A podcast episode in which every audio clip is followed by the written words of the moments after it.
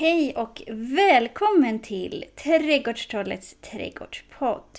Jag heter Jasmin Vara och det är jag som skriver och driver Trädgårdstrollets trädgårdsblogg som numera också finns som podd. Det här avsnittet sponsras av Fröbanken, en svensk fröfirma med ovanligt fint sortiment av kulturarvssorter. I deras webbshop hittar du både svenska kulturarvssorter, sommarblommor och grönsaker. Och mycket finns även att köpa i storpack eller megapack. Perfekt för dig som vill odla mycket till ett bra pris. Själv är jag väldigt förtjust i deras utbud av tomaterna Brandywine. De har både den klassiska röda Brandywine men också den rosa Brandywine, cocktailsorten Brandywine Cherry och min personliga supersmakfavorit Brandywine Black. Hela sortimentet hittar du på www.fröbanken.se. Anger du koden Trädgårdstrollet i kassan, då stavat med små bokstäver, så får du 15% rabatt på ett köp. Rabattkoden gäller till och med augusti 2022. Tack Fröbanken för att ni sponsrar den här podden. I det här avsnittet ska vi prata om just tomater och jag får lära mig mer om Tetrasis lykopentomater av bondjäntan Jonna Gilliam. Hon gillar verkligen tomater och är väldigt intresserad av både näring och smak. Och som vanligt blir det en hel del sortnamn att hålla reda på, så fram med papper och penna eller gå in på trädgårdstrollet.se så hittar du som vanligt en behändig lista. Nu kör vi!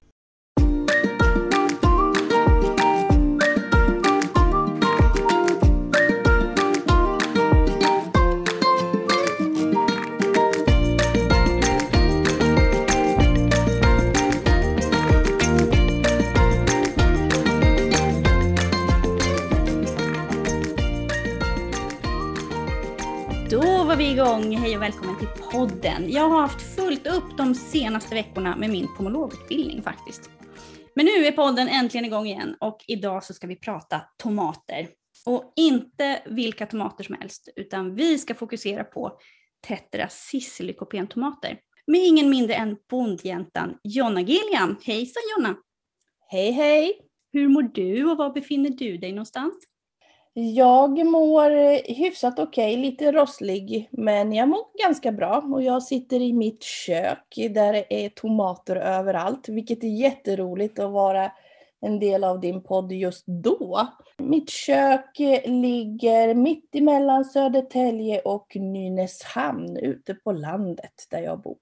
Vad är det för zon ungefär? Vad blir det? 3, 2? Det är zon 3 om man inte har zonknäckt lite tjusigt sådär som jag gör. Har byggt barriärer. Så jag är nog nere på zon 1-2 kanske. Mm. Ja det kan ju finnas många zoner i en trädgård. Det kan ju vara. Ja. Och nu är det ju skördetid också, alltså herregud. Hur eh, kan du beskriva tomten och gården? Är det tomater överallt eller var har du tomaterna? Ja, nej det är inte tomater överallt, men eh, det är en eh, villatomt på 1500 kvadratmeter. Så det är inte jättestort. Det är en vanlig villatomt skulle jag säga. En del tror ju att jag bor på en bondgård med hektar av mark. Det gör jag ju inte. Däremot så har jag ju tryckt in det mesta på min lilla villaträdgård. Jag har tre växthus faktiskt. Eh, ett som är vad, vad, kallas det då? Ett vanligt kallväxthus som egentligen är som ett orangeri nu. Eh, där jag tänker att jag ska umgås med folk men jag hinner aldrig. Men det är fint, det skulle kunna vara så. Tanken är god. Ja, det finns soffa och det finns bord och stolar och en gigantisk vinranka och jättetrevligt är det. Men oftast så är det mer förvaringsutrymme för många saker när jag håller på. Sen har jag någonting som heter Glädjehuset, ett kretsloppshus som jag ska berätta lite mer om senare. Det är ungefär 24 kvadratmeter och det är ett kallväxthus faktiskt och det är där jag odlar mina tomater, de allra flesta. Sen har jag också en odlingstunnel sedan ett år tillbaka, en eh, större variant på, vad kan den vara, 40 kvadratmeter tror jag den blev. Ja, så jag har många odlingsutrymmen. Sen har jag en liten köksträdgård med odlingslådor. Jag har en liten bärträdgård, en liten pytteliten gräsmatta kvar. Jag älskar att du säger liten, därför att om, om man följer dig i sociala medier så, så skulle jag nog säga att du får plats med ganska mycket på den ytan. Den ja. kanske inte är riktigt så liten som, som det låter som nu. Eh, och jag tänker också att den som läser och följer dina bloggar, du bloggar ju på land, Ja. De vet ju att du har ju verkligen en viss förkärlek för just tomater. Och vad är det som har gjort att du har fastnat för tomater på det viset? Vad är det bästa med tomater? Har du tomater, bara tomater i växthusen eller får du plats något annat där också? Ja, men eftersom jag har flera olika växthus så kan jag ju liksom faktiskt ägna 24 kvadrat till tomater. Oh, så oftast så är det bara tomater där inne. Ibland så kan man ha en fysalisplanta eller kanske några aubergine och så, men det, det mesta är tomater där i, i det huset i alla fall. Men varför gillar jag tomater? Ja, vem gillar inte tomater tänker jag. Det är väl snarare en sån fråga. Hur kan man inte gilla tomater? Ja, Varför bra. skulle man inte odla tomater? Håller med, halleluja! Ja. Det, tomater har allt. Det är både roligt att eh, dra upp tomatplantor. Det är trevligt att hantera tomater.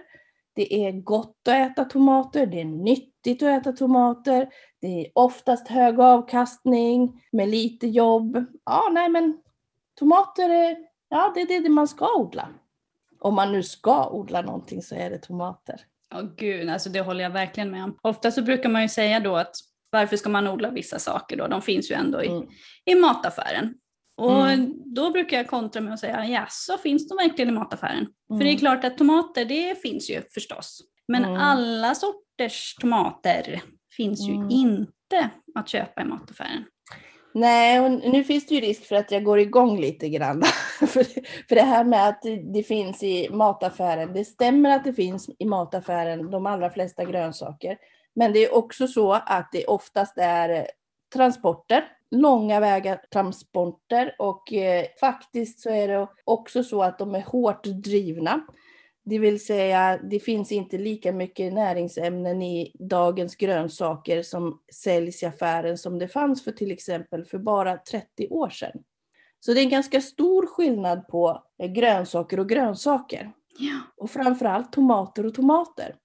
Jag tror inte att jag har hört någon säga att mina tomater skulle vara vattniga eller smaklösa. Däremot så hör man det ofta när man får en sallad eh, från affären eller man köper tomater som är hårt drivna. Mm.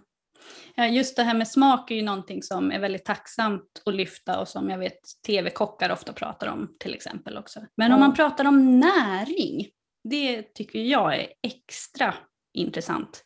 Eh, mm. när jag var med i eh, Bondjäntans tomatvänner här förut så ja. valde jag att lyfta lite extra den. För det är många som pratar om närodlat, att det ska vara så fantastiskt och det kan det ju vara. Och sen finns det andra som säger att då är det ännu bättre med härodlat. Det är mm. ännu bättre. Mm. Och det kan jag väl kanske hålla med om, men jag tycker att det här med näringstäthet är ännu mer intressant. Och precis som du säger, det är skillnad på tomater och tomater. Och det är skillnad på lykopen och lykopen. Ja. Och nu ska vi prata lite extra om tetracyslykopentomater och det kan ju vara ett ord som ingen någonsin har hört för. Mm. Eh, när upptäckte du att det fanns något som hette tetracyslykopentomater? Minns du vad du läste eller vad du hörde talas om det första gången? Mm. Jag är inte riktigt säker om det är 2015 eller 2016, men om, in, om inte annat så är det i skarven där någonstans. Om det är i sen vintern 2015 eller tidigt 2016, oklart, helt klart. Men det är där jag någonstans eh, börjar hitta information. Eh, och jag vet inte exakt det första tillfället är, men jag kommer ihåg ett tillfälle som är otroligt sådär känslomässigt, det, det, blir så aha, det är det jag håller på att leta efter. Den här känslan man vet, ja men det är det jag undersöker. Och det är faktiskt eh, när Matens pris sänder ett avsnitt om just det där med näring och vad händer med grönsaker och vad händer med tomater om man hettar upp dem eh, eller inte gör det. Och det där är första gången man pratar om nyttiga tomater men också den, den delen som vi ska prata om idag. Mm, det där, åh, eh, matens pris, näringen och grönsakerna, jag tror den kom 2016. Eh, och ja. den finns kvar om, om eh, våra lyssnare vill lyssna på det också, så det ja. kan jag länka till. Mm. Sen, ja, faktiskt. jag tror att den sändes 2016 i januari faktiskt. Mm.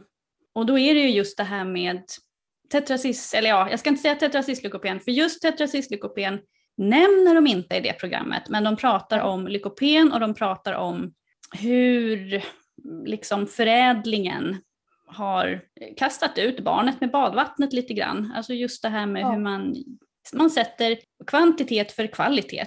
Och Ja. många av de här nyttiga fytokemikalierna har försvunnit då Ja. på liksom produktionens eh, altare eller kapitalismens altare eller vad man nu väljer att kalla det för. Mm. Och det är ju ganska synd. Alltså det är många som, när man pratar om hur hälsosamt det är med tomater, då pratar ju folk oftast om lykopen. Det Ja. finns en bok som heter The Red Bodyguard som jag vet att jättemånga människor brukar hänvisa till och den är inte alls pjåkig men han pratar framförallt om translykopen.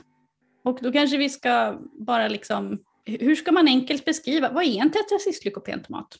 Jag, jag tänker att man behöver ta det i två olika steg egentligen. Det ena är att eh, om man tänker så här, tomater har det största lykopeninnehållet av alla grönsaker och bär. Det finns flera olika som har det, aprikoser, eh, vattenmelon, eh, röda grönsaker och bär, havtorn, gojbär, nypon. Alla de har lykopen och tomaterna är det som har de eh, högsta innehållet egentligen.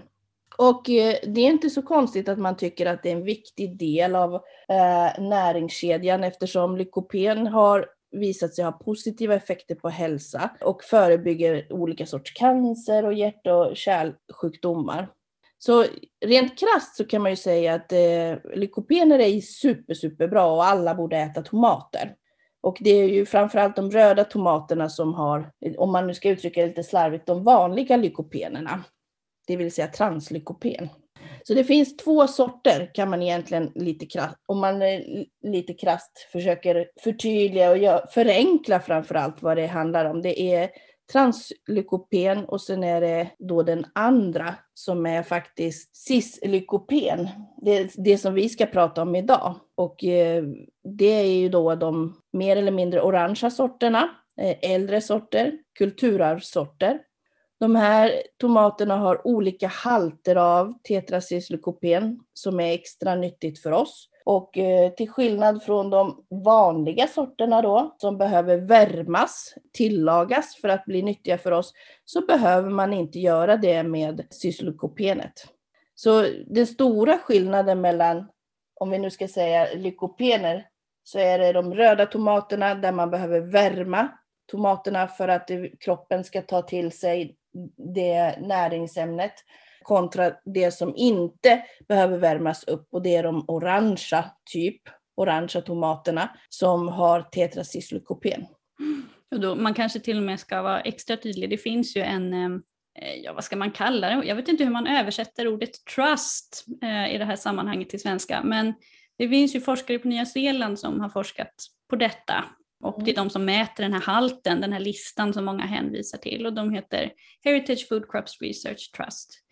Och Ja. eh, där finns det en man som heter Mark Christensen som är Head Researcher, tror jag. Jag är inte Mm. säker på hur man översätter det heller. Men jag Nej. tror lyssnarna förstår. Och han har ju till och med framhärdat att man inte ska värma upp de här eh, orangea tetracis-sorterna då. Ehm, sen är det inte alla orangea sorter som har det här cislykopenet, utan det är vissa och det är därför det är så intressant just med deras forskning. För dels får man reda på då vilka sorter det faktiskt är, sen får man också reda på vilka halter det faktiskt är. För vissa Ja. av de här tomaterna innehåller ju lite mer och andra innehåller ju lite mindre. Ja. Men man kan ju säga grovt förenklat att man ska gärna tillaga röda tomater, gärna tillsammans med fett för att ta upp de här näringsgrejerna då, det här translykopenet. Medan de orangea cis-sorterna ska man äta färska. För enligt Mark Christensen så är det till och med så att det här lykopenet förstörs om det hettas upp i de Mm. här orangea cis-sorterna. Så att det är inte bara så att det är bäst att äta dem färska utan att man kanske till och med bör äta dem färska. Ja. Och då är det ju så fint tycker jag att det ena utesluter inte det andra. Alltså gud, det är inte så att jag sitter här och så tänker nu ska vi prata om de här orangea sorterna för nu ska ingen någonsin mer odla röda sorter. Utan man kan ju odla både och, men man kan använda dem till olika saker. Det är ju det som är så fiffigt. Man kan både, odla båda. Ja, och just det här med funktion och tomater har ju särskilt kockar ganska bra koll på. Ofta så är det då, nej men de här ska man ha till pasta och de här ska man ha till sallad och liksom hi och hå. Men jag tror inte att man kanske så mycket har tänkt på det här med lykopenet, utan då har man mer tänkt på vad blir en bra sås? Vad Mm. har en liksom bra konsistens för sallad och så vidare. Jag tror att man mycket mer har tänkt på konsistens och kanske smak än på näring. Det tror jag, men det tror jag att det gäller i överlag det mesta vi äter just nu. Eh, att det är faktiskt mer upplevelsen som är viktig än själva näringsinnehållet. Och eh, vi kanske lyckas komma till att det både och är Mm. viktigt. Det vore väl jättefint. Ja men gud, alltså verkligen. Har du odlat några sorter i år? Några sissorter? Ja, jag har odlat några sorter i år. Inte jättemånga, men jag har några favoriter som jag brukar odla. I år har jag odlat de som jag också började odla. Det är lite roligt. Jag är faktiskt där jag, eh, när jag började odla så började jag med tre sorter. Nej, egentligen är det så att jag odlade först en sort som jag inte visste att det var en av de här Cislycopen-sorterna. Eh, och det var Kellogg's Breakfast. Den har jag Ah. odlat eh, kanske från 2000 och det hade jag ingen aning om att det var en eh, Cis-tomat. Ja, Det är ju lite av en klassiker. Ja, det är en klassiker. Mm. Så det var inte så konstigt. Det är nog många som har odlat den. Men när jag väl liksom hade den här informationen och började leta så blev det tre sorter. Och de tre sorterna har jag också odlat idag. Mhm. Eller det här, läs det här läsåret, det heter inte så. I år. I år. De, har jag odlat i år. Och det är Moonglow, en ganska känd tomat. Mm, eh. Tangerine och Orange Strawberry. Oh. Ja, och de har inte jättehögt eh, index på den här skalan. De ligger ungefär i mitten. Så inte jättelågt men inte jättehögt. Men mycket goda tomater och det är därför jag odlar dem också. Mm. Nej, jag håller verkligen med. Det, och ibland så undrar min sambo så här eh, godmodigt att ja, men de här, om de här tomaterna är så himla fantastiska, varför odlar du inte bara sådana tomater då? Ja, för jag vill inte bara äta tomater färska. Alltså jag vill ju göra sås också. Mm. Och sen är det ju också så att det kanske inte alltid är så där himla superduper jätteenkelt att hitta frö till alla sorter man vill ha heller. En del sorter är ju väldigt vanliga, men det är kanske inte alla som är det. Vad brukar du köpa frö till tetrasorter? Alltså det är lite olika. Det som jag har upptäckt eh, på senare år, och det är lite roligt, det är att det finns faktiskt flera baltiska fröfirmor. Och det, det är riktigt godbitar. Nu är det inte så att de har 20 sorter bara med cis-tomater, men det finns alltid en eller två som man kan hitta. Så det är ett eh, riktigt starkt tips, det är att leta efter sådana fröfirmor. Och det är inte bara därför, utan det är också för att deras frön och deras grönsaker är mer anpassade till vårt klimat i Sverige. Så det är liksom dubbelt upp. Det är intressant med sådana fröfirmor. Mm. Eh, och oftast så funkar det ganska bra med Google Translate, för jag är inte så bra på språken. Men Google Translate kan hjälpa till ganska mycket. Man får ett hum i alla fall och ibland kan man ju få sig ett gott skratt också, råkar jag veta av egen erfarenhet. Absolut. Så det, det är väl det, det som är det bästa tipset. Sen finns det ju olika säljforum på olika sociala medier som också har, men då är det ju Ibland är det liksom väldigt lyckat och ibland så blir det mindre lyckat. Mm. Så det, det är lite chansning faktiskt. Men eh, just baltiska fröfirmor, där finns det gott att hämta.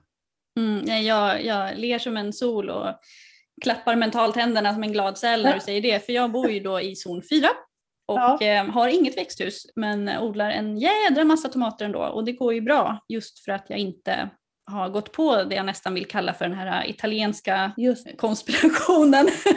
Ibland känns det som att italienarna på något sätt har, har ehm, ehm, monopol på marknadsföring av grönsaker. Mm. Men det finns ju så himla många andra alltså fröfirmor och eh, sorter som är bättre anpassade för vårt svenska klimat än just de italienska. Alltså herregud. I alla fall om man har kort säsong som jag. Alltså gud, det ja. så att jättekul. Och sen man får ju pussla, så är det. Man får absolut pussla. Man hittar den här, man hittar den där. Och då kan det ju vara bra också att veta att eh, tomatfrö har ju väldigt lång hållbarhet. Det är inte så att man Ja. måste odla upp hela påsen pang bom liksom, utan man har ju nästan tio år på sig om det skulle vara så. Det är sant. Och det som också tycker jag är trevligt, det är i alla fall min erfarenhet, att eh, just fröfirmor från de baltiska länderna och de ger ganska många frön i varje Mm. fröpåse. Det är inte fem frön vi snackar om, utan det är mellan 10 och 20. Mm. Eh, Det vill säga att man kan odla faktiskt eh, många gånger på de fröpåsarna.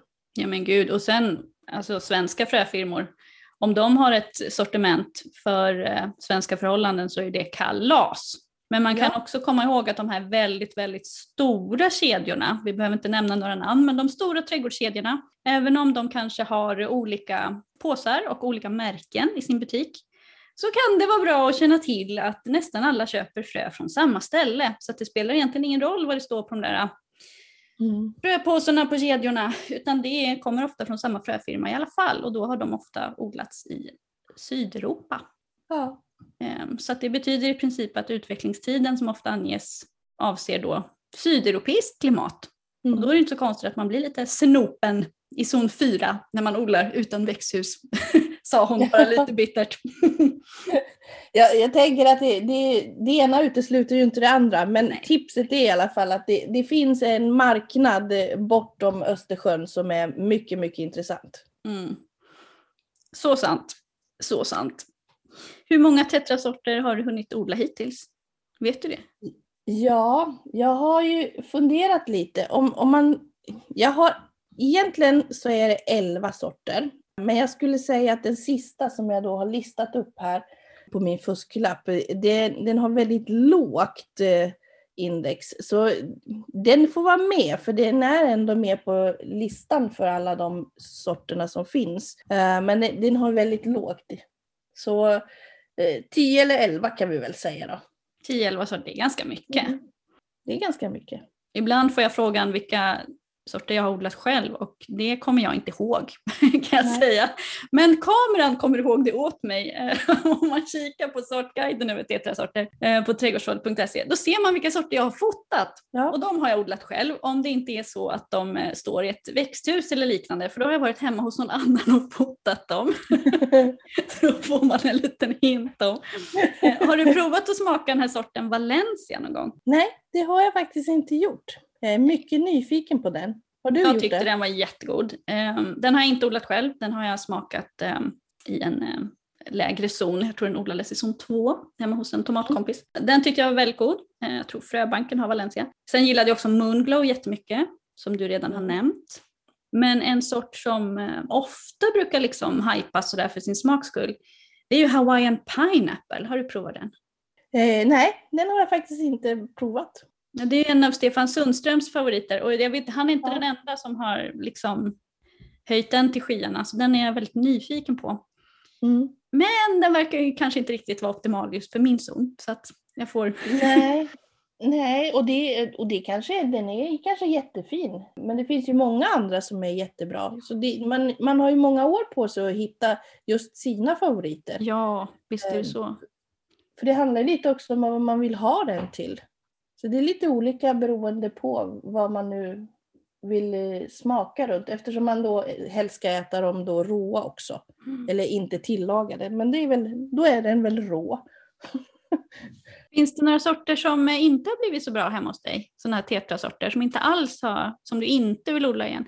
Nej, alltså det Jag tänker att det är Det är ingen direkt sort som jag inte vill odla igen men ibland har jag olika bra resultat på eh, odlingarna. Men det beror ju på alla tomater. Eh, är en kall sommar så är det vissa tomater som inte alls det blir bra. Och har jag en jättevarm sommar så kommer vissa tomater inte utvecklas som jag önskar. Mm. Men jag har ingen, ingen direkt sort som jag inte säger nej, nej den vill jag inte ha. Men jag måste ju också välja bort några lite då och då för att det blir väldigt mycket tomater hemma hos mig. Mm. Det, det är liksom, Livsproblem. ja, det blir väldigt allsidig kost när det är väldigt mycket tomater till allting hela tiden. Så, så då måste man välja bort några sorter och inte ta alla allt hela tiden. Vad brukar du göra med tomaterna då? Har du några sådana här recept som du återkommer till? Mm. Ja, det har jag faktiskt. Det är, jag har faktiskt några olika sorter som jag... Om det är vanliga tomater så det, har jag en tomatröra, en basröra som jag brukar alltid göra. För, både frysa in och äta som färsk konsumtion som jag varierar på olika sätt. Och då, då är det att jag kokar ihop tomater, vitlök och chili. Det är Mm. liksom en bas som jag alltid har. Och sen kan man göra allt möjligt med den. Om jag vill ha den i grytor eller om jag vill ha den i soppa eller i köttfärssås eller vad det nu är. Men det, det är en sån här favorit som jag alltid gör. Sen eftersom vi äter väldigt mycket tomat så är det ju Jag menar, det, godaste kan ju vara en enkel skiva tomat med lite flingsalt och Ja. olja på en brödskiva. Verkligen. Är, vi, vi behöver inte alltid tillaga tomaterna, det finns det goda också. Men det till olika sorters tomatsallad, både ljummen tomatsallad eller eh, kall tomatsallad, tomater och mozzarella. Alltså det, det finns ju väldigt mycket att göra med tomater. Ja gud, alltså jag har ju ett recept som jag går och liksom längtar, dreglar efter på vintern och det är ju salsa. Så jag älskar koriander, jag vet Ja. att det inte är alla som gillar koriander. Jo, det är gott. Åh. Det är gott. Alltså jag avgudar koriander och just på, jag gjorde förra året på eh, orange strawberry, eh, tomaten, den här orangea biff. Mm. Så jag finhackade den och i med lite chili och eh, lite vitlök och eh, man kan ha rödlök om man vill. Eh, lite olja, lite limejuice, örtsalt. En himla massa koriander. Eh, helst så ska den ju vara vintersådd faktiskt, för då blir bladen lite stadigare tycker jag. Jag tycker de smakar bättre. Alltså vintersådd koriander Ja. tycker jag är överlägsen sommarsådd koriander. Mm. Och sen så de med majschips. Alltså gud, jag äter tills jag svimmar. Det är så gott. Ja. Jag tröttnar Ja, aldrig ja. på den där. Alltså det är helt sjukt. Jag gör liksom en skål till mig själv och sen gör jag en skål till resten av familjen. och jag skäms inte ens! Nej, jag, jag, jag tycker du ska fortsätta med det. Helt rätt. Nej gud, den är, den är sagolik. Det enda som är lite synd tycker jag med vissa av de här tetrasorterna, inte alla såklart, är att de är kanske inte alltid så produktiva. Många av de här klassiska, riktigt eh, gamla kulturarvssorterna är ju inte lika produktiva som moderna sorter. När jag odlade orange crimea till exempel, jag tyckte inte att den gav så jättemycket. Jag tyckte den gav bra och jag tyckte den var god, men jag fick inte jättemånga tomater. Det var ju Nej. Tangella mycket bättre till exempel. Jag tyckte Unglow var också bättre. Men Mm. apropå produktivitet, nu har det ju kommit några sådana här eh, DTP Dwarf tetrasorter faktiskt.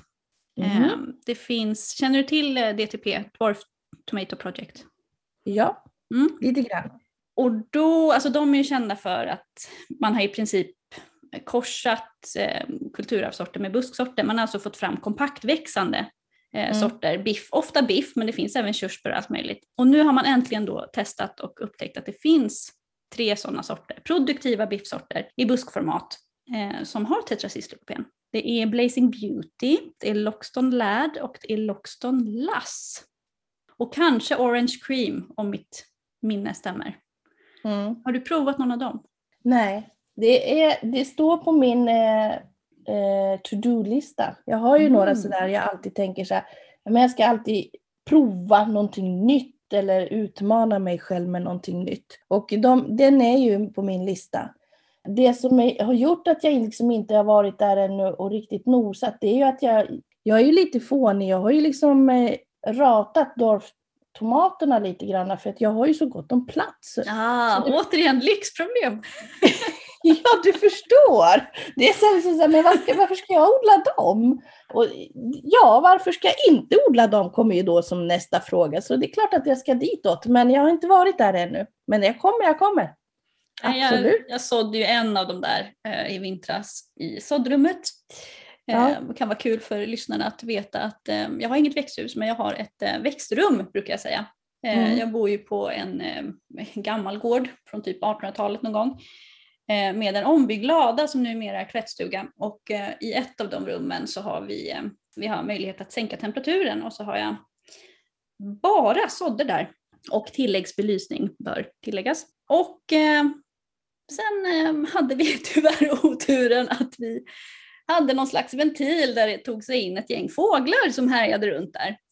Så att, eh, ja, ja, det är alltså gud, det är, det är sällan man gråter som vuxen kvinna men alltså fy när jag kom in där. Jag tittar ju till växterna på kvällen, tittar till dem på morgonen och när jag kom in där på morgonen så var det ju liksom Ja, Nej. plantmassaker, alltså ordet räcker liksom inte till. Det var, ja.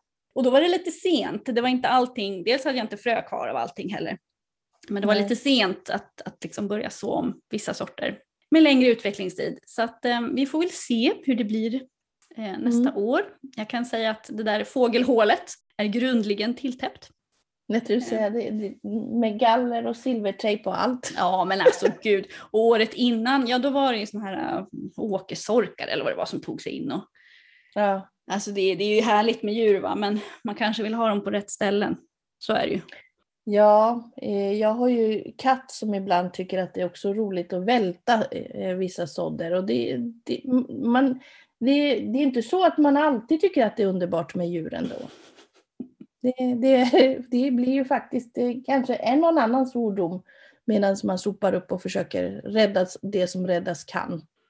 Ja, och då skadar det inte att man alltså, tar i från tårna från början.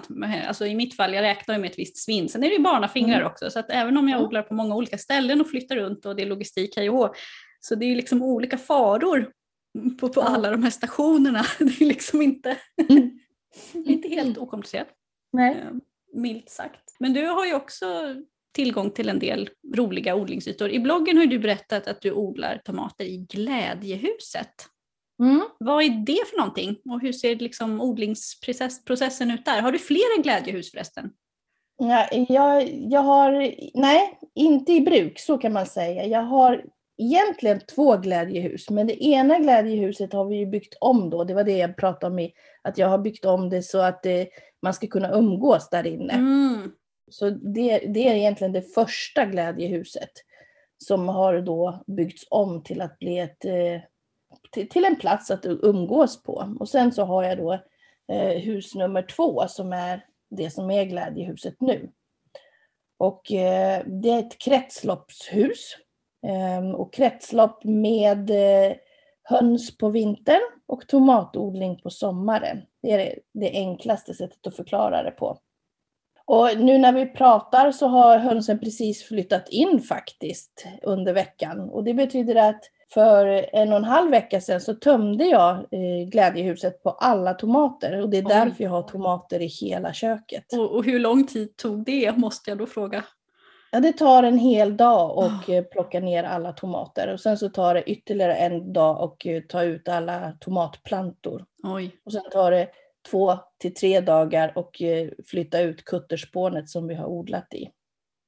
Så det som händer det är ju att när det är dags för ny säsong i Glädjehuset, det är nu. Eh, ny säsong för mig är det inte själva odlingssäsongen utan det är när hönsen flyttar in. Mm. Så då töms Glädjehuset helt och hållet och så fylls det på med kutterspån. Ungefär 50 till 60 centimeter från markytan är det kutterspån och så flyttar hönsen in där. Och så har vi sittpinnar och reden som vi flyttar in också för att det behöver höns ha. Men annars är det som ett kallväxthus. Och eh, det kan man ju fundera på, men hur ska hönsen klara det på vintern, ett kallväxthus? Det, det går ju inte. Men eh, det är så att det här kutterspånet som vi har då som golv, det blir som en varmkompost. Mm. Där eh, bajsar och kissar hönsen. Och så kastar vi matrester in till dem också. Eh, men oftast så äter de ju matresterna. Så vänds det här spånet en till två gånger i månaden och vattnas så att det blir fuktigt. Och då sätter det igång och brinner förstår du. Aha. Det är jättefiffigt. Så i december, januari när det är som kallast i zon 3 där jag bor, så är det faktiskt varmt. Och i spånet är det plusgrader för det brinner mm. långsamt, långsamt. Och det finns några som har provat högre upp i zon 5 och 6 och de säger att det går. Eh, man får jobba lite med vändningarna så att man faktiskt håller komposten, för det är det det är, eh, mm. brinnande. Eh, men då går det. Och då är hönsen där under hela vintern eh, och det brinner långsamt, långsamt, inte alls snabbt utan långsamt, så det är plusgrader. Och sen på vårkanten, senvåren faktiskt, så flyttar hönsen ut därifrån till sina innergårdar med tak och små bås som de bor i. Och så under en vecka så vattnar jag och vänder i glädjehuset varje dag. Och då brinner det rätt ordentligt, så då kan det vara 60 till 70 grader i spånet. Oj!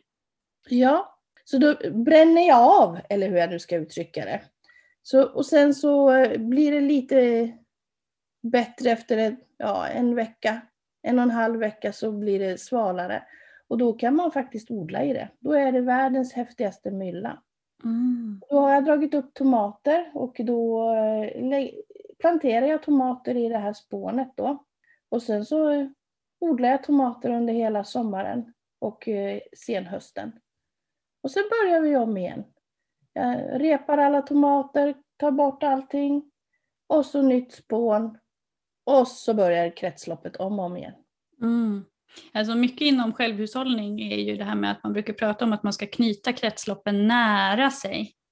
Mm. Och det låter ju som att ni verkligen har lyckats med där. Mm. Det, är, det är hyfsat bra. Det är ju lite jobbigt när man ska vända och, och liksom göra den proceduren. Men det är ju också träning, tänker jag. Ja, herregud. på. Det låter som ett riktigt workoutpass det där. Alltså jag vet bara när jag går och håller på tömmer mina tomatkrukor här. Jag odlar ju tomater i alla möjliga lägen, men framförallt då vid en lyxig ladugårdsvägg. Mm. Och när jag tömmer de hinkarna på senhösten, jag är ganska trött. Mm. Även om jag har skottkärra. Jag kan livligt föreställa mig att du är ganska trött efter att du har vänt det där också. Ja, nu får jag ju hjälp av min son så det är positivt. För det, det är ett tungt lass att göra. Det är också han som har hjälpt mig att tömma eh, glädjehuset nu och fyllt mina odlingsbäddar med eh, den gamla myllan därifrån. Mm. För det är också det, det blir en biprodukt som är väldigt gynnsam för resten av odlingarna. Eh, Det är att jag fyller trädgårdslådor med den myllan som har varit där. Så biprodukten blir ju jordförbättring. Mm. Nej men det är ju kalasbra. Alltså stödgödslar du med någon mineral eller så? För jag tänker höna, jag tänker mycket kväve. Så att du, Mm. inte, du får ju så mycket frukt, du får inte bara blad. Och jag tänker att man borde få mycket blad om det bara var hönsgödsel. Ja, jag vet. Man säger ju det att man skulle jag skulle behöva ha vedaska och jag har ibland lite vedaska men inte alls mycket egentligen. Ehm, och de senaste åren så har jag ju faktiskt nästan struntat i det om jag ska vara ärlig. Och så har jag tänkt så här, men då kommer jag bara få bladmassa. Och ja, jag får jättemycket bladmassa men jag strippar tomaterna lite då och då. Mm. Och de verkar överleva det och jag har fortfarande väldigt mycket tomater. Mm. Ja men vad härligt. Så det fungerar uppenbarligen, även om det inte är enligt alla konstens regler. Hur har det gått med eh, tomatodlingen just i år? För jag upplever att mognaden har varit ovanligt seg, i alla fall här hos mig. Nu odlar jag förvisso utan växthus, men i alla fall, alltså vi hade ju en ganska, försommaren här där jag bor i alla fall, var ju ganska het och torr. Och sen lagom tills dess att tomaterna skulle börja mogna, de fick liksom rätt storlek och sådär, då var det blött och, och lite kallt. Eh, så att, helst hade man ju velat ha det tvärtom om man hade fått välja, men det får man ju inte. Hur har det varit för dig där du har odlat? Ja, det, det är nästan samma lika faktiskt, även om jag odlar i växthuset. Nu, nu är det inte torrt, för jag vattnar ju. Men det, det har inte varit ett superbra år i år. Det skulle jag inte säga. Eh, ändå har jag gott om tomater, men det tog lång tid som du säger innan Mm. de mognade. Och jag plockade faktiskt in väldigt många gröna tomater nu. Kanske svor jag en och annan gång och tänkte så här, varför, varför har jag bara gröna tomater? Men eh, jag tycker ju ändå att det går ju att låta dem eftermogna dem inomhus, så det funkar alldeles utmärkt för mig. Jag gillar ju inte så mycket syltade gröna tomater, så jag väntar ju in att de ska bli mogna. Och ja, som sagt, nu har jag fullt med mogna tomater i köket. Mm. Lite Ja. för mycket kanske just nu. Men, ja, det är tillfälligt säger jag till min Mhm. sambo. Det, det är tillfälligt, Snart har de mognat Ja. färdigt. Jag säger samma sak om alla bondbönsruskor med frön som hänger och torkar Mhm. också. Det är bara tillfälligt. det är tillfälligt. Vad ska du ha för tema nästa år? Du har ju ofta ett så här tomattema. Liksom. Har du några sorter som du ser extra mycket fram och prova på? Nej, alltså jag, jag, jag tror att jag nästan har haft alla teman man kan ha nu. Vad har du haft för teman innan då? Om det är någon som lyssnar här nu som inte har följt dig? Ja, jag har haft eh, bifftomater. Ett Mhm. år så hade jag bara bifftomater. Och det var väldigt många bifftomater. Jag tror att det var uppe i 30 sorter. Oj. Eh, ja, det är ju det som blir när man har den ytan. Det blir väldigt många. Eh, jag har haft körsbärstomater. Eh, jag har haft vintertomater. Eh, men det har jag, då har jag haft någonting annat också. Så att jag har haft typ det jag kallar för kökstomater. Ehm, jag har haft eh, röda tomater, jag har haft gula tomater. Jag har gått på färger också vissa år. Mm, regnbågens alla. Ja, så jag har nog odlat många olika teman. Um, jag, och ja, pastatomater hade jag också ett år. Det var ett ganska tråkigt år faktiskt. Nej, oh nej! Det var ju det jag funderade på nästa år, men det var faktiskt en av mina såna här funderingar. Först tänkte jag att jag skulle ha multiflora-sorter, ja. um, men uh, sen provade jag odla den här, bland annat då, den här hundreds and thousands i år. Mm. Och um, det var det där med att man fick öva upp sitt svordomsvokabulär, därför att det tog ju en evighet att uh, skörda ja. den plantan kan jag säga. Ja. Och förhoppningen var väl lite sådär, jag tänkte att oh, nej, men om jag sätter min son på att plocka den där så kan jag få vattna under tiden. Eller tjohej, mm. han tyckte mamma det här är jättetråkigt, jag blir aldrig färdig sa han. Bara, nej, man blir ju inte det då. Så att då funderade jag på pastatomater men som sagt, jag vet inte hur kul, hur mycket pastasås äter man egentligen? Ja, inte så mycket märker man till slut. Nej. Eh, det, det blir jättetydligt och det är som du säger att det kanske är bra med variation, för gör man bara till exempel körsbärstomater, då plockar man till en förbannelse. Det, alltså, man tröttnar ju på tomaterna ganska snabbt och inte för att man tycker att det är tråkigt att äta tomater utan det blir tråkigt att plocka. Mm. Eh, men har man bara bifftomater, jag menar, du förstår ju när man ska bara ta några tomater för att det är lite gott. Man, man tar inte en tomat bara för att det är gott då. Så det, det kan nog vara bra med variation. Det, mm. det kanske jag skulle nog så här eh, efter så många år med olika teman, att det är bra med variation. Alltså, jag funderar just apropå det här med tetrasisttomater. Alltså, finns det några sådana som är dvärgbusk eller som ampelsorter? Eller du nämnde ju vintertomater. Finns det några vintertomater eller pianolotomater eller lagringstomater som är sissorter? För jag har verkligen letat och jag har inte hittat några. Har du hittat några? Nej, jag har inte hittat. Jag har sökt, i periodvis så kan jag sitta liksom och verkligen snöa in mm. på någonting. Jag ska bara hitta. Och så sitter jag och översätter från ryska till svenska, från svenska till alla möjliga språk för att försöka hitta. Men nej, det har jag faktiskt inte hittat. Jag hade, jag tror det är ett två år sedan kan det vara, som jag försökte börja, då när jag liksom faktiskt var mycket nyfiken på om, att hitta olika sorter.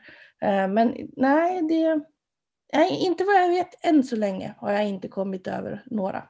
Nej, jag har inte heller sett några. Jag får fråga eh, han mm. Mark Christensen där i Nya Zeeland. Ja, han, han kanske har koll. Jag har säkert koll på det. Mm. För det är ju annars ett väldigt tacksamt sätt om man liksom vill sprida ut sin tomatkonsumtion över en längre tid. Alltså just det här med, mm. alltså dvärgbusksorter är ju kanske inte jordens godaste tomater, men de är små som krukväxter och man kan odla dem. Ja. Även på vintern om man vill. Man kan börja jättetidigt på våren mm. om man vill. Man kan börja på julafton om man vill, finns ju de som gör. Mm. Eh, och likadant med ampelsorter, alltså de tar inte så mycket plats. Man kan hänga upp dem någonstans i fönstret, alltså det är väldigt smidigt. Och likadant med alltså många av de här pianolo eller lagringstomaterna, det är ju inte alltid världens liksom, godaste delikatesstomater, men de fyller en funktion. Man kan ju liksom stretcha hela säsongen. Och det vore kul ja. om det fanns sissorter, tänker jag. Ja, det enda som jag kan tänka, det är ju Moonglow, det är ju en long life typ. Det vill säga den håller ju längre än en vanlig tomat i ja. rumstemperatur. Mm. Den kan ju faktiskt hålla upp till två månader. Ja. Den är ju hyfsat bra på det viset. Men i jag har ingen koll på om det är någon som är till exempel kan hålla i tre, fyra månader. Nej, det är ju inte alltid de där lagringstomaterna gör det heller. Det beror ju lite på hur man har odlat dem också och hur man förvarar mm. dem framför allt. Bör väl kanske tilläggas det faktiskt. Det. Men det stämmer, Moonglow, jag, alltså den är ju så god så det är svårt att spara den någon längre tid. Men jag mm. hade väl den i alla fall två månader ovanpå kylskåpet och det är väl mm. kanske inte heller världens mest optimala lagringsställe liksom på ett kylskåp. Det kanske egentligen är lite för varmt men den klarade sig två månader i alla fall. Mm. Så den kan ju vara ett alternativ i sådana fall. Mm. Nu när vi ändå pratar om liksom odlingstips och sorttips och sådär. Vad är ditt absolut bästa tips för att lyckas med tomater? Det är inte alla som har höns, det är inte alla som har ett glädjehus. Um, Nej. Vad har du liksom, finns det någon sån här grej som när du upptäckte det i ditt tomatodlande så bara aha, då kom du liksom upp en nivå till i ditt, i ditt odlande? Ja. Det finns ju många olika sätt att se på det. det ena, alltså en sak som är lite intressant är ju att man måste ju inte förodla tomater i värme. Man kan ju faktiskt kallså tomater. Det är inte så dumt om man har platsbrist. Sen måste man ju då såklart se till att inte tomaterna fryser och får en köldknäpp och sådär. Men man kan ju faktiskt eh, kallså tomater. Det är en sån här sak som oftast man inte pratar så mycket om utan man säger så här, man måste ha både växtbelysning och värme och allt. För att Och växthus är det många som säger, det behöver man inte alls. Det är klart det är jättekul med växthus, det är lyxigt med växthus, men det är faktiskt Ja. inget krav för att odla tomater, vill jag Nej. bara poängtera. Och jag drar ju inte upp mina tomater i växthus, för jag har ju bara kallväxthus. Så jag drar ju upp dem i... Ja, när jag började odla så drog jag faktiskt upp dem i vardagsrummet. Då hade jag en eh, växthylla som jag kallar den för, med eh, vanliga lysrör. Och det går alldeles utmärkt. Mm. Det som är lite knivigt är ju det här med att balansera värme och ljus. Ja, precis. Eh, Så har man ett utrymme där man kan ha något svalare så är det positivt. Och nu för tiden så har jag en liten tvättstuga som jag kan göra så att jag har mellan 16 och 18 grader så det är Mm. svalare än vanligt. En vanlig inomhustemperatur. De flesta har väl i alla fall över 20 grader normalt. Så har man ett utrymme med lite svalare, om det är källare eller vad det nu kan vara, så kan man absolut dra upp tomatplantor inomhus. Men eh, det som eh, gjorde min odling ett strå vassare, det var mina tomathyllor, eller mina odlingshyllor. Faktiskt. Oh, de har jag ju sett så snygga bilder på. Beskriv, beskriv för de som inte har sett. Ja, egentligen så är det ju så att jag gillar ju inte sp- speciellt mycket plastgrejer, men de, de här är i plast och de går att köpa i ett känt tyskt eh, byggvaruhus utan att nämna vad det är för någonting. Eh, men det är lagringshyllor som man kan plocka isär och plocka ihop utan att behöva skruva dem. Det, benen är typ rör och så sätter man på själva plasthyllan och så bygger man e- etapp efter etapp. Eh, och mina är 1,20 breda tror jag. Ja, 1,20 breda är de. Och så är det fem hyllplan. 1,20 Och breda, ungefär- du menar höga? Nej, breda. Du menar breda, okej. Ja, de är, de är Ja, långa. 1,20 Jag, jag tänkte liksom Ja, långa. Du, du menar Ja, långa? inte djupa. Nej, nu, nu är jag med. De är väl kanske 40 centimeter djupa. Mm. Men eh, de är hyfsat breda i alla fall. Eh, och eh, fem hyllplan och under fyra så har jag då lysrör som jag har hängt upp. Enkla vanliga lysrör. Inga dyra fancy växtlampor även om jag skulle vilja ha det. Men jag har inte det utan det är vanliga lysrör som går att använda. Och eh, jag har, i dagsläget eh, så har jag ju faktiskt fått ihop hela tre sådana hyllor. Så jag har det väldigt, väldigt lyxigt. Mm. Från början så började med en sån och den hade jag i vardagsrummet. Och där kan man ju, det finns ju de som inte tycker att man ska ha vardagsrum till odling och jag tänker det är väl självklart att man ska använda vardagsrummet till odling. Det vore väl jättekonstigt. Men man- är olika där, där får jag säga det att jag vill faktiskt inte ha upplyst vardagsrum för det är ju det som händer då. Det blir väldigt ljust i rummet. Men det är ju en fördel med att använda, precis som du säger, de här vanliga lysrören. Därför att om man Mm. köper här specialväxtlampor, då har ju de ibland ett lite väl psykedeliskt ljus. Alltså det kan ju vara ett varmorange ljus, det kan vara ett lila blått ljus. Alltså Mm. de är mycket jobbigare för ögat än de här klassiska lysrören som ju ändå har ett, liksom ett så kallat vanligt ljus. Ja, det är inte obekvämt för ögat. Nej, och framförallt så tror inte grannarna att man odlar cannabis eller någonting också by the way. Eller, eller så tror de det ändå, jag vet inte. Men man får bjuda in till tomatfest, då förstår de. Ja precis, då förstår Ja. jag. Annars kan man alltid hänvisa till bloggen. Så. Ja, det är faktiskt sant. Alltså odlingshyllor överlag tror jag är smart att ha om man vill dra upp saker. Men sen måste man ju inte dra upp tomatplantor, det går ju faktiskt att köpa det också. Men det är ju väldigt roligt när man Mm. börjar odla tomater. Jag, jag tycker det är superroligt. Och ett litet, litet frö blir en så stor planta. Mm. Ja, jag tänker om det nu är så att man väldigt gärna vill odla just sådana här tetrasorter så då kan det vara svårt att hitta plantor i butik. Ja. Då nästan, jag ska inte säga måste, men, men eh, sannolikheten är mycket låg att man hittar tetracis lykopentomater, alltså som färdiga plantor i trädgårdsbutikerna, tyvärr. Mm. Ja, där, där har du nog rätt. Det skulle jag nog säga att det är svårt att hitta. Det är många som har frågat om det här med lagringstomater och sådär också, vart man Mm. köper sådana plantor. Och jag, tyvärr måste jag nog säga samma sak där, att jag tror inte man köper sådana plantor. Jag tror Nej. att man får nog dessvärre odla dem Mm. själv. Det kan ju finnas någon mindre eh, företag som drar upp plantor, men eh, då är det ju väldigt lokalt. Mm. Så är det. Och med tiden så kan man ju kanske då odla sina egna fröer. Så behöver man inte jaga runt så mycket. Men någonstans måste man börja och eh, som sagt, då får man pussla. Mm. Man tittar runt och då får man pussla lite. Ja. Jag tänkte att vi skulle börja runda av för nu har vi pratat i över en timme du och jag. Eh, Jag skulle kunna prata med dig hela dagen men jag vet inte om lyssnarna orkar med det. Men jag brukar alltid avsluta på samma sätt. Och det är, är det någon fråga som du tycker att jag har missat? Alltså vad skulle du vilja prata mer om eller vad önskar du att trädgårdsmedia ville ta upp lite mer? Vad saknar du i trädgårdsdebatten? Liksom? Åh, det finns ju en hel del saker som jag saknar, men det jag saknar mest det är... Eh, om jag, nej, det, det, nu säger vi så här. Jag blir väldigt fundersam och kanske lite frustrerad över att det finns så många pekpinnar i trädgårdsdebatten.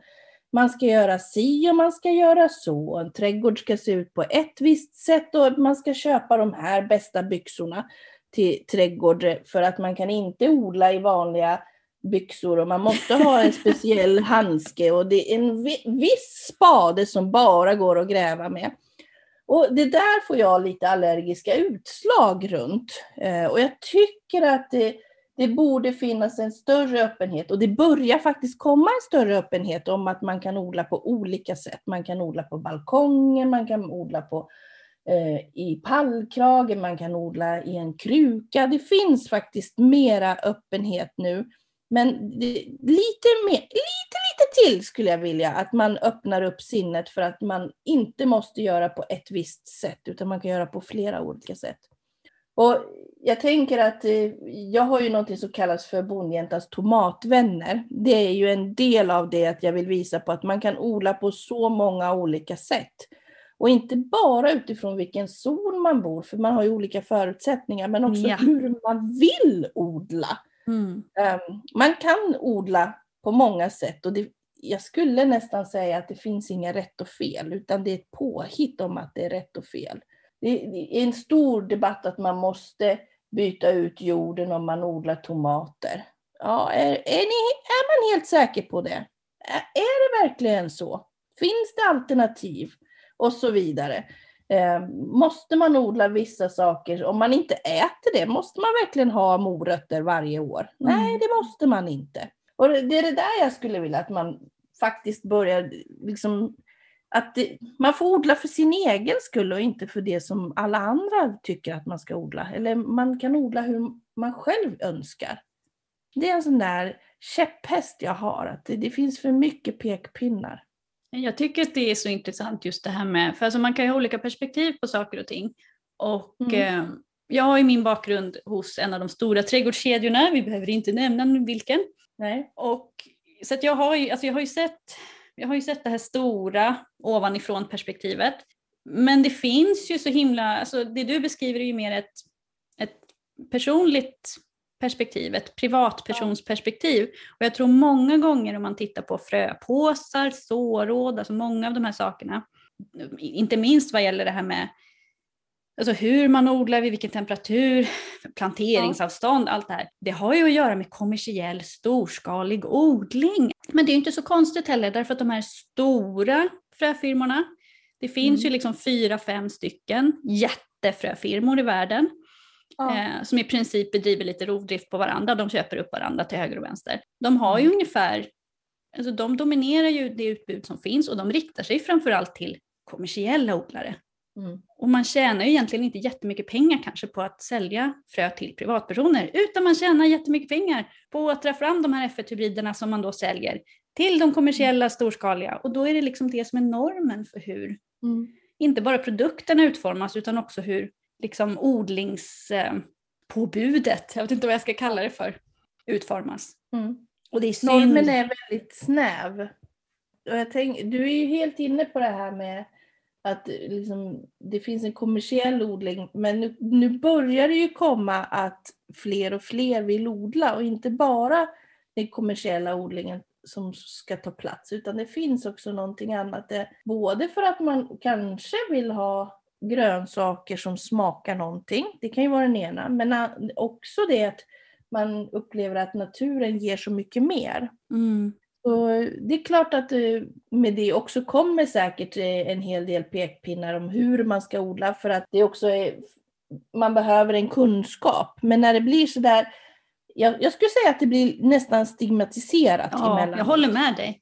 Ja. Jag håller med dig. Det blir för snävt. Det blir för exkluderande. Det blir väldigt konstigt. Och man pratar ju mycket om det här med mångfald. Och jag blir nästan lite arg när jag hör mångfald ibland. Därför att alltså, mångfald är ett bra ord, men det har blivit nästan ett innehållslöst modeord. Därför att så fort man säger mångfald, då tänker folk på sorter. Att det finns för få sorter, det borde finnas fler sorter. Förr fanns det fler sorter och det var så bra. Absolut.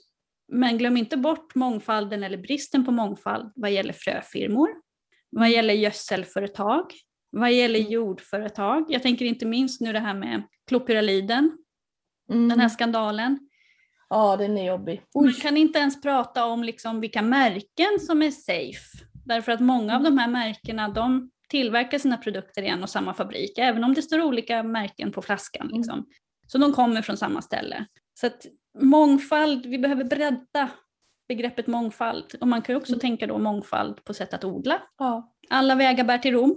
Ja, och jag tänker att det, det, det finns massa bevis på att man kan odla på många olika sätt. Om inte annat så är Bondjäntans tomatvänner väldigt tydligt bevis på det. För inte en enda av alla som har berättat om sin historia på tre år har sagt samma sak. Mm.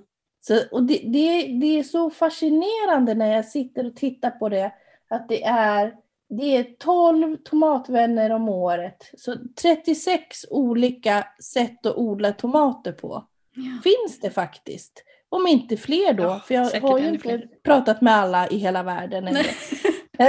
En, det kanske kommer. En, en. Men, så jag menar, och då pratar vi bara om tomater. Tänk dig Mm. alla andra grönsaker eller hur man vill ha sin trädgård. Mm. det, det finns ju faktiskt olika sätt att tänka och göra det på. Och oftast så är det ju så att det bästa sättet, sig, sättet att lära sig på det är ju pröva. Ja, och misslyckas. Våga Ja. misslyckas säger jag. Folk Ja. är så hysteriska på sociala medier. De har inte tid att misslyckas. Allt ska vara rätt från början. Liksom. Men Ja. om har man den inställningen då kanske man inte ska odla överhuvudtaget för det är ingenting som alltid går rätt. Det Nej. spelar ingen roll hur många man har odlat i hundra år. Det är alltid någonting som blir knasigt något år. Så enkelt är det bara. Ja, ja. Ja, ja, ja. Det, det är det som är också en del av skärmen. Man vet inte hur det ska bli. Men det är viktigt att våga. Våga prova. Man får prova sig Mm. fram. Inte minst Mm. vad gäller tomatsorter. Mm. Faktiskt. Tack snälla Jonna Gilliam för att du ville vara med i podden och prata lite tetracis lykopentomater. Jag hoppas att vi, eh, jag vet inte, hypa är väl fel ord, men jag hoppas att vi sprider budskapet om att man kan äta tomater på flera olika sätt. Och att man kan odla tomater på flera olika sätt och att fler vågar prova både nya sorter och nya sätt att odla på. Mm. Så tack snälla för att du ville vara med. Tack snälla för att jag fick vara med. Det är så förtjusande fint ämne du valde. Eh, me like, me like. Ja, Tack kul. snälla. Och tack snälla min hund som har legat här och sovit och snarkat så tyst som hon bara har kunnat och inte har stört någonting alls. Nej, till skillnad från min hund som har varit här ute och fixat och donat som Oj, jag sett genom fönstret. Du ska få släppa in henne igen. Ja. oj, oj. Men tack snälla för att jag fick stjäla lite av din värdefulla tid. Så får du ta hand om dig så jättemycket. Så hoppas jag att vi ses på riktigt någon gång i framtiden. För det här har ju spelats in via Zoom, om det är någon som undrar. Så vi har alltså inte suttit i samma rum. Nej, men någon gång. Snart. Förr eller senare blir det trädgårdsmässa, då ses vi säkert där. Eller hur? Tack snälla och hej då på er allihopa! Hej då!